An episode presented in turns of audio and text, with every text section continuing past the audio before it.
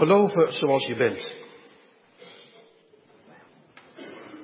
Gemeente van onze Heer, samen kerk zijn is best een spannende opdracht.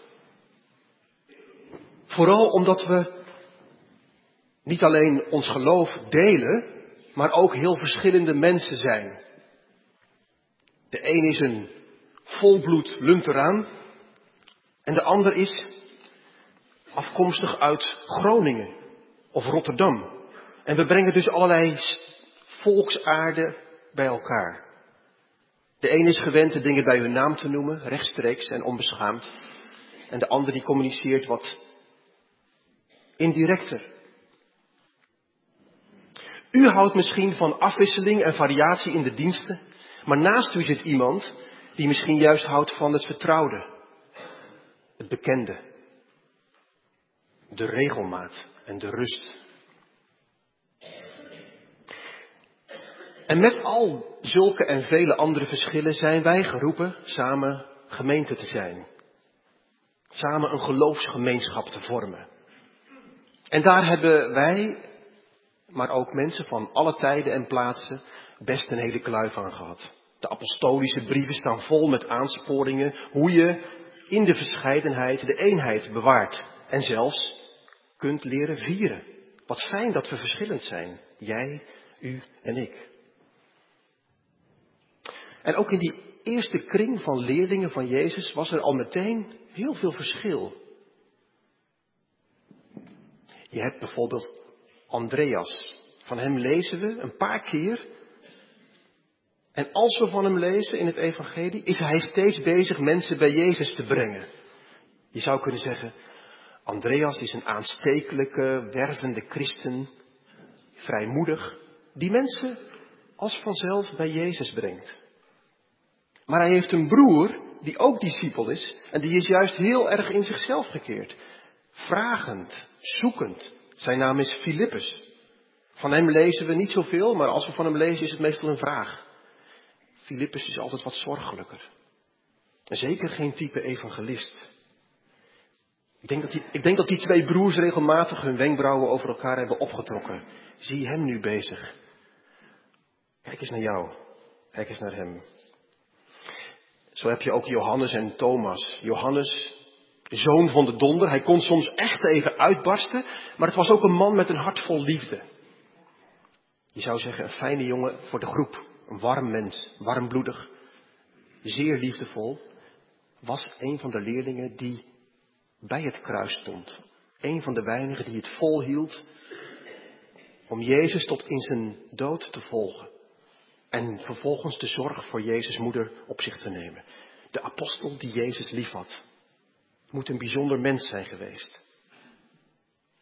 Maar hij zat in één team met Thomas. Die was veel minder aaibaar. Wat stekeliger. Wat trok zich ook graag terug uit de groep. Melancholischer. Zwaarmoediger. Verschillende momenten in het evangelie is het Thomas die op de rem trapt. Hij zegt, zouden we dat wel doen? Moet het eerst nog maar eens zien. Het is een bondgezelschap, dat team van Jezus.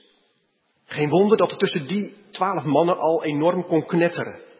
Dat ze zich aan elkaar konden irriteren, dat de wenkbrauwen soms omhoog gingen.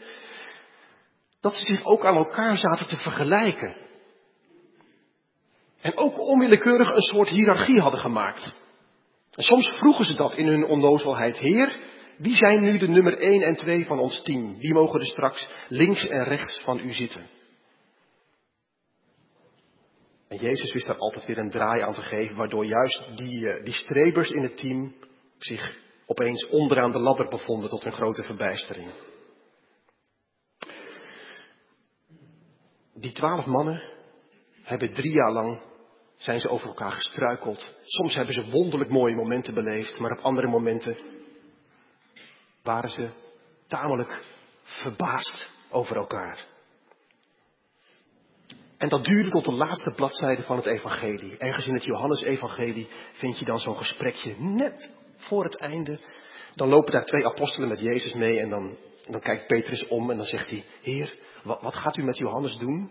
Is hij gewoon benieuwd hoe de weg van Johannes zal gaan? En dan, dan zie je Jezus hem als het ware bij zijn schouders pakken en hem in de ogen kijken en zeggen, het gaat jou niet zoveel aan, Petrus. Volg jij mij. En dat is best lastig.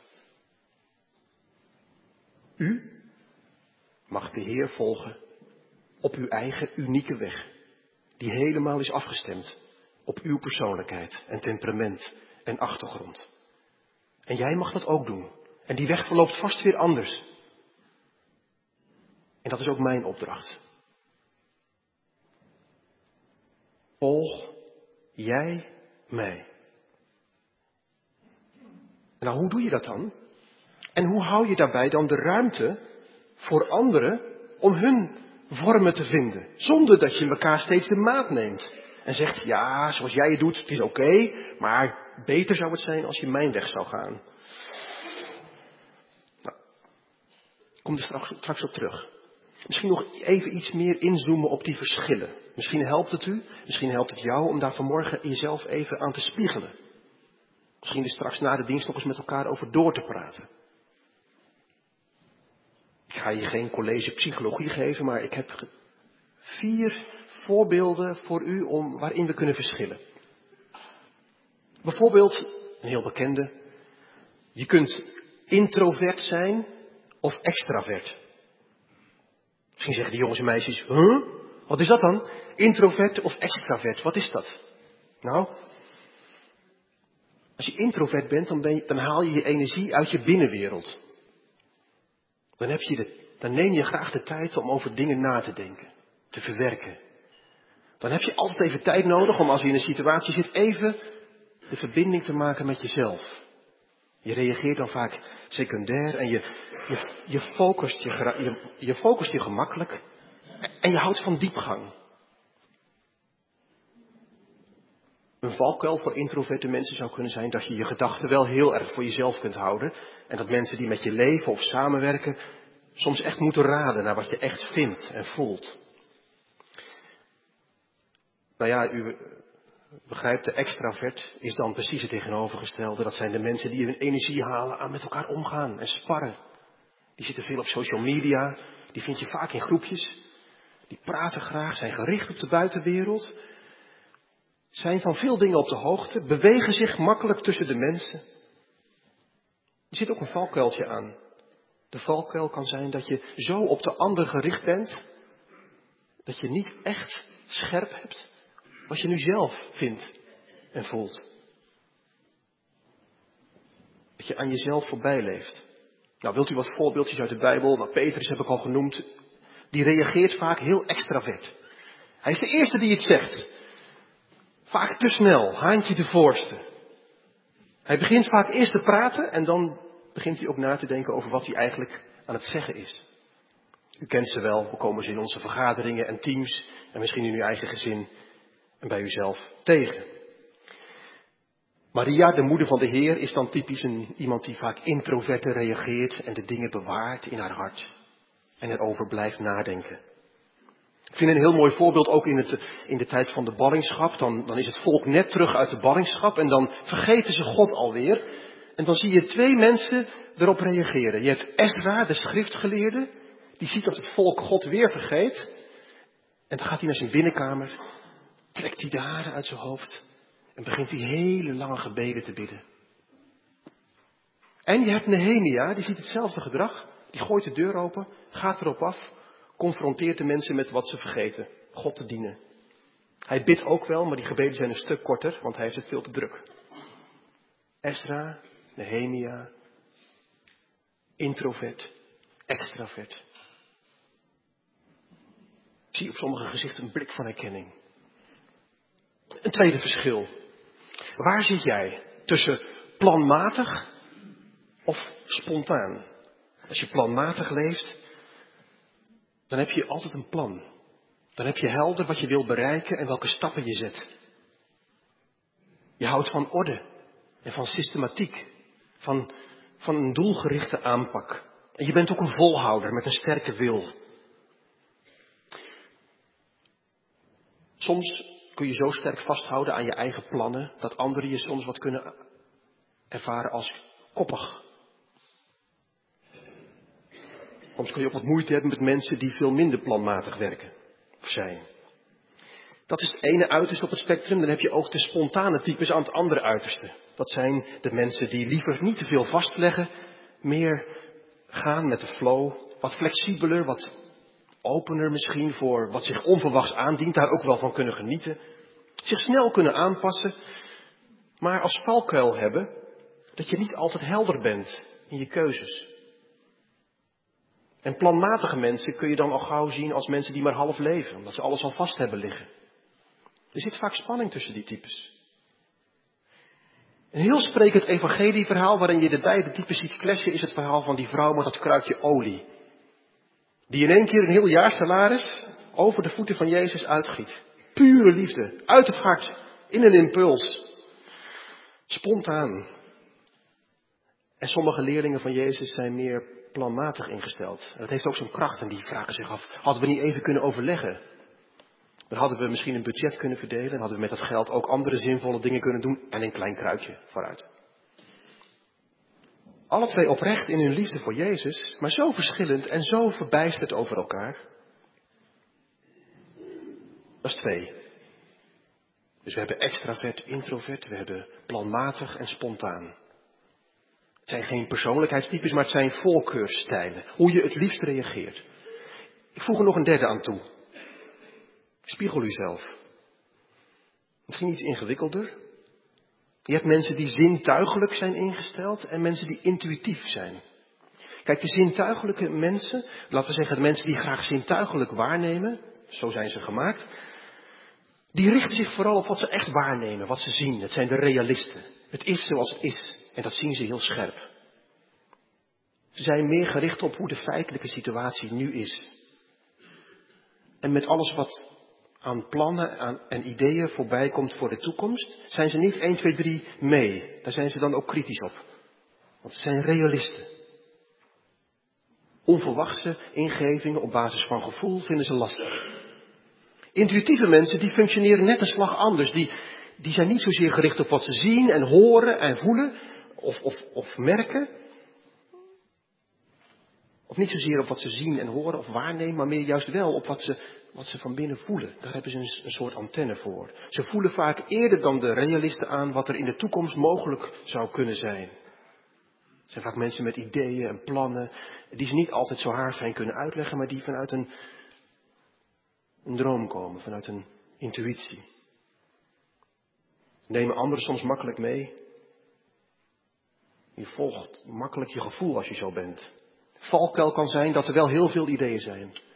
Dat je heel gauw versnipperd kunt raken. En dat mensen om je heen van de leg raken. En denken, waar is de rust? Waar is de bezonnenheid? Waar is het plan? De evangelisten, in de manier waarop ze hun boeken schrijven, merk je soms dat de een zintuigelijker is en de ander intuïtiever. Ik vind Marcus echt zo'n zintuigelijke schrijver. Als hij het over de het wonder van de broden heeft, beschrijft hij alles in detail. De kleur van het gras, de grootte van de groepen de, de tijd, de plaats, de omgeving, de gebedshouding van Jezus. Johannes is veel minder zintuigelijk. Die slaat het allemaal over.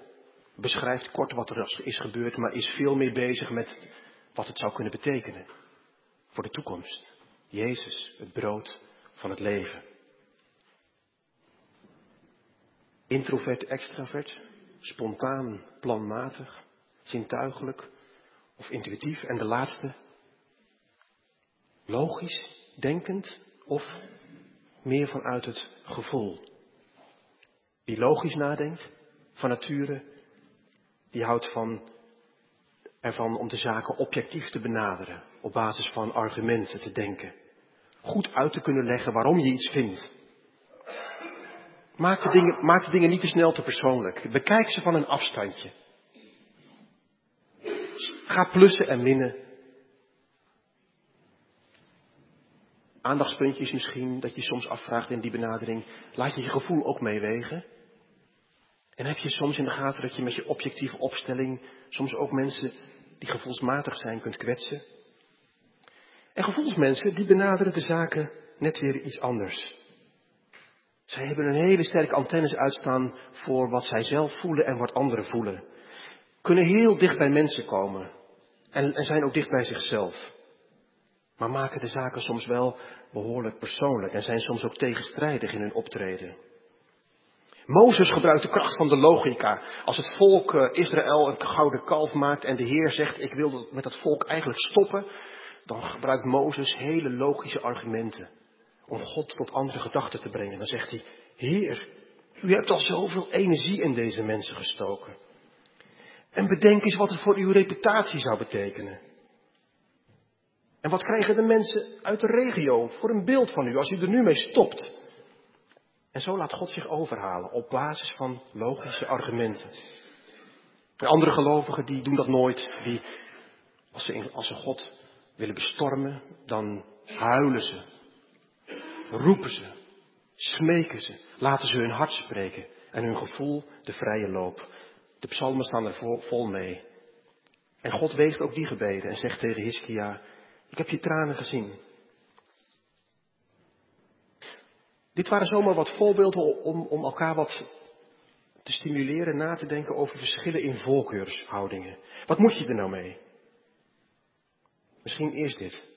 Het zijn natuurlijk uitersten. Als ik u aan het einde van de dienst zou vragen, hebt u zich een beetje herkend, dan zullen heel veel mensen zeggen, nou dominee, heb elementen van heel veel in me. En ik mag hopen dat het waar is.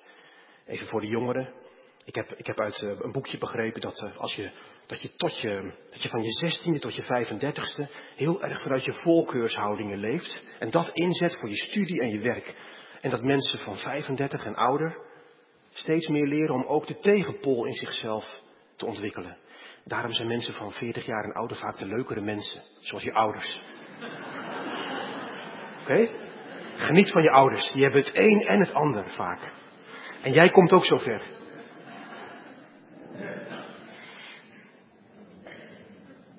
Maar het blijft natuurlijk staan dat we wel een voorkeur hebben. U, jij en ik. En dat werkt natuurlijk door in hoe je naar de kerk kijkt en hoe je met je geloof omgaat. Ik kan vanaf de kansel roepen dat het fijn is om stille tijd te hebben, maar het betekent echt wat anders als je introvert bent, want dan ben je al van de stilte, de afzondering en een boekje. Dan als je eh, extravert bent en je wil meer bent van beweging en prikkels, dan kan stille tijd misschien wel het beste gebeuren tijdens het hardlopen. Dan kom je tot rust. Dan vind je je flow om bij God te zijn. Dus probeer steeds te filteren in wat, in de, wat je aangereikt wordt vanuit school, vanuit preeks, vanuit de kansel, vanuit gesprekskringen. Wat past dan bij jou en bij u? Ook hoe je een kerkdienst beleeft. Ik ben hier nu 2,5 jaar en ik heb van tijd tot tijd gesprekjes met, met sommigen van u over hoe de diensten beleefd worden. Sommigen zeggen het is fijn, het is altijd weer verrassend en, uh, en, en, en, en ook weer nieuw en ook in de vormen. En anderen zeggen mag het ook soms een beetje minder. Het is ook fijn om soms gewoon heerlijk een rustige dienst te hebben.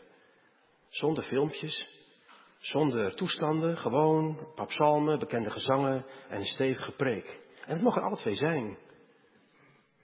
En ik heb me voor dit kalenderjaar voorgenomen om, om, om meer die variatie ook in het oog te hebben in de manier waarop we de diensten vormgeven. Om het een en het ander te hebben. En ben ik altijd blij met gastpredikanten die dan weer aanvullen wat, wat ik misschien iets minder in huis heb.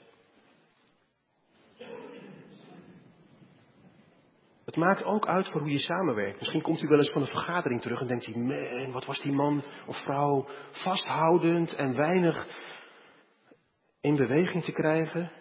Maar als je bedenkt dat die persoon ook oprecht vanuit zijn persoonlijkheid of haar persoonlijkheid de zaken benadert, kan het ook helpen om elkaar te gebruiken en ook elkaar nodig te hebben. En er ook van te genieten dat die ander ook precies de rol speelt die hij of zij misschien wel zou moeten spelen. Hoe zou je er niet mee om moeten gaan? Nou, ik denk in ieder geval niet zo. Je kunt niet zeggen na deze dienst als je thuis komt, oké, ik weet niet wat ik ben. 1, 2, 3, 4, ik ben nu eenmaal zo, sorry, niks aan te doen. Dat zou erg onvolwassen zijn. Je zou ook niet kunnen zeggen, bij heel veel dingen die van je gevraagd worden, dat is nu eenmaal niet zozeer mijn ding, want ik ben planmatig en, uh, enzovoort, enzovoort, enzovoort. Je kunt het wel zeggen, maar dan is de volgende vraag, wat is dan wel je ding? Wimpel niet te snel dingen af. Er zijn ook dingen die van je gevraagd worden, van u, van mij, die niet zozeer ons ding zijn, niet bij onze persoon passen en toch goed om te doen, omdat ze gedaan moeten worden. Waar je ook niet gelukkig van wordt, is als je heel krampachtig probeert alles te zijn. Het een en helemaal het ander. dan word je uiteindelijk misschien een heel wonderlijk figuur die niemand meer begrijpt. Het is ook goed om wat bij jezelf te blijven en in je kracht te blijven staan. Hoe dan wel? Hoe helpt het dan wel verder? Ik denk dit. Het helpt echt als je van jezelf bewust weet hoe je functioneert. Wat je voorkeuren zijn. Want als je het weet, kun je het hanteren. Als je het niet weet, spookt het onbewust in heel je doen en laten door en heb je geen idee. Bewustwording is dus wel belangrijk. Help elkaar daar een beetje bij. En zeker ook als je kinderen thuis hebt of jongeren. Krijg dat scherp. Op internet heb je ook allerlei testjes die je daarbij kunnen helpen. U hebt het vast ook in uw opleiding misschien wel meegekregen. Maar voor anderen is dit toch tamelijk onbekend. In de kerk hebben we het er niet zoveel over. En het tweede is dit. Dat is vooral belangrijk voor ons samen. Meer bewustwording van persoonlijke verschillen helpt ook om te filteren tussen wat menselijk is en geestelijk. Stel je voor dat je vanavond naar een lofprijsdienst gaat en je ziet iemand helemaal losgaan voor de Heer met handen en voeten. En helemaal blij dat je denkt, wauw, die moet wel heel veel van Jezus houden. En jij bent daar minder van. Is het maar zeer de vraag of die expressieve persoon meer van Jezus houdt omdat hij expressief is. Er is ook alle vrijheid en ruimte om daar in je eigen gang te gaan. De vormen vertellen nog niet dat de een meer van Jezus houdt dan de ander. Iemand die God het liefst ontmoet in een rustige leerdienst, kan net zoveel liefde hebben voor de Heer als iemand, ja, die heel erg van het gevoel is en daar ook heel makkelijk over praat. En altijd de beleving voorop stelt. Wat vooral van belang is, dat was het punt van deze preek. Vind de ruimte en gun elkaar de ruimte om elkaar een plekje te gunnen in het lichaam van Christus. Neem met overtuiging de rol die bij je past. En probeer ook ervan te genieten als anderen daarin heel anders zijn. De een swingend en sprankelend, de ander doordachter, gestructureerder. Een gemeente is gezegend met gezellige en levendige types, maar ook met mensen die de diepgang en de continuïteit en de bezinning in leven houden. En ook onderscheiden wat wezenlijk en belangrijk is en bewaard mag worden voor een volgende generatie. Mijn aansporing aan jou en aan u en aan mezelf zou deze zijn. Ga echt met overtuiging uw eigen unieke weg met God. Volg jij mij. En laten we intussen proberen elkaar steeds lief te hebben, vast te houden en samen het lichaam van Christus zijn. En op onze beste momenten iets zichtbaar maken van Gods heerlijkheid. Amen.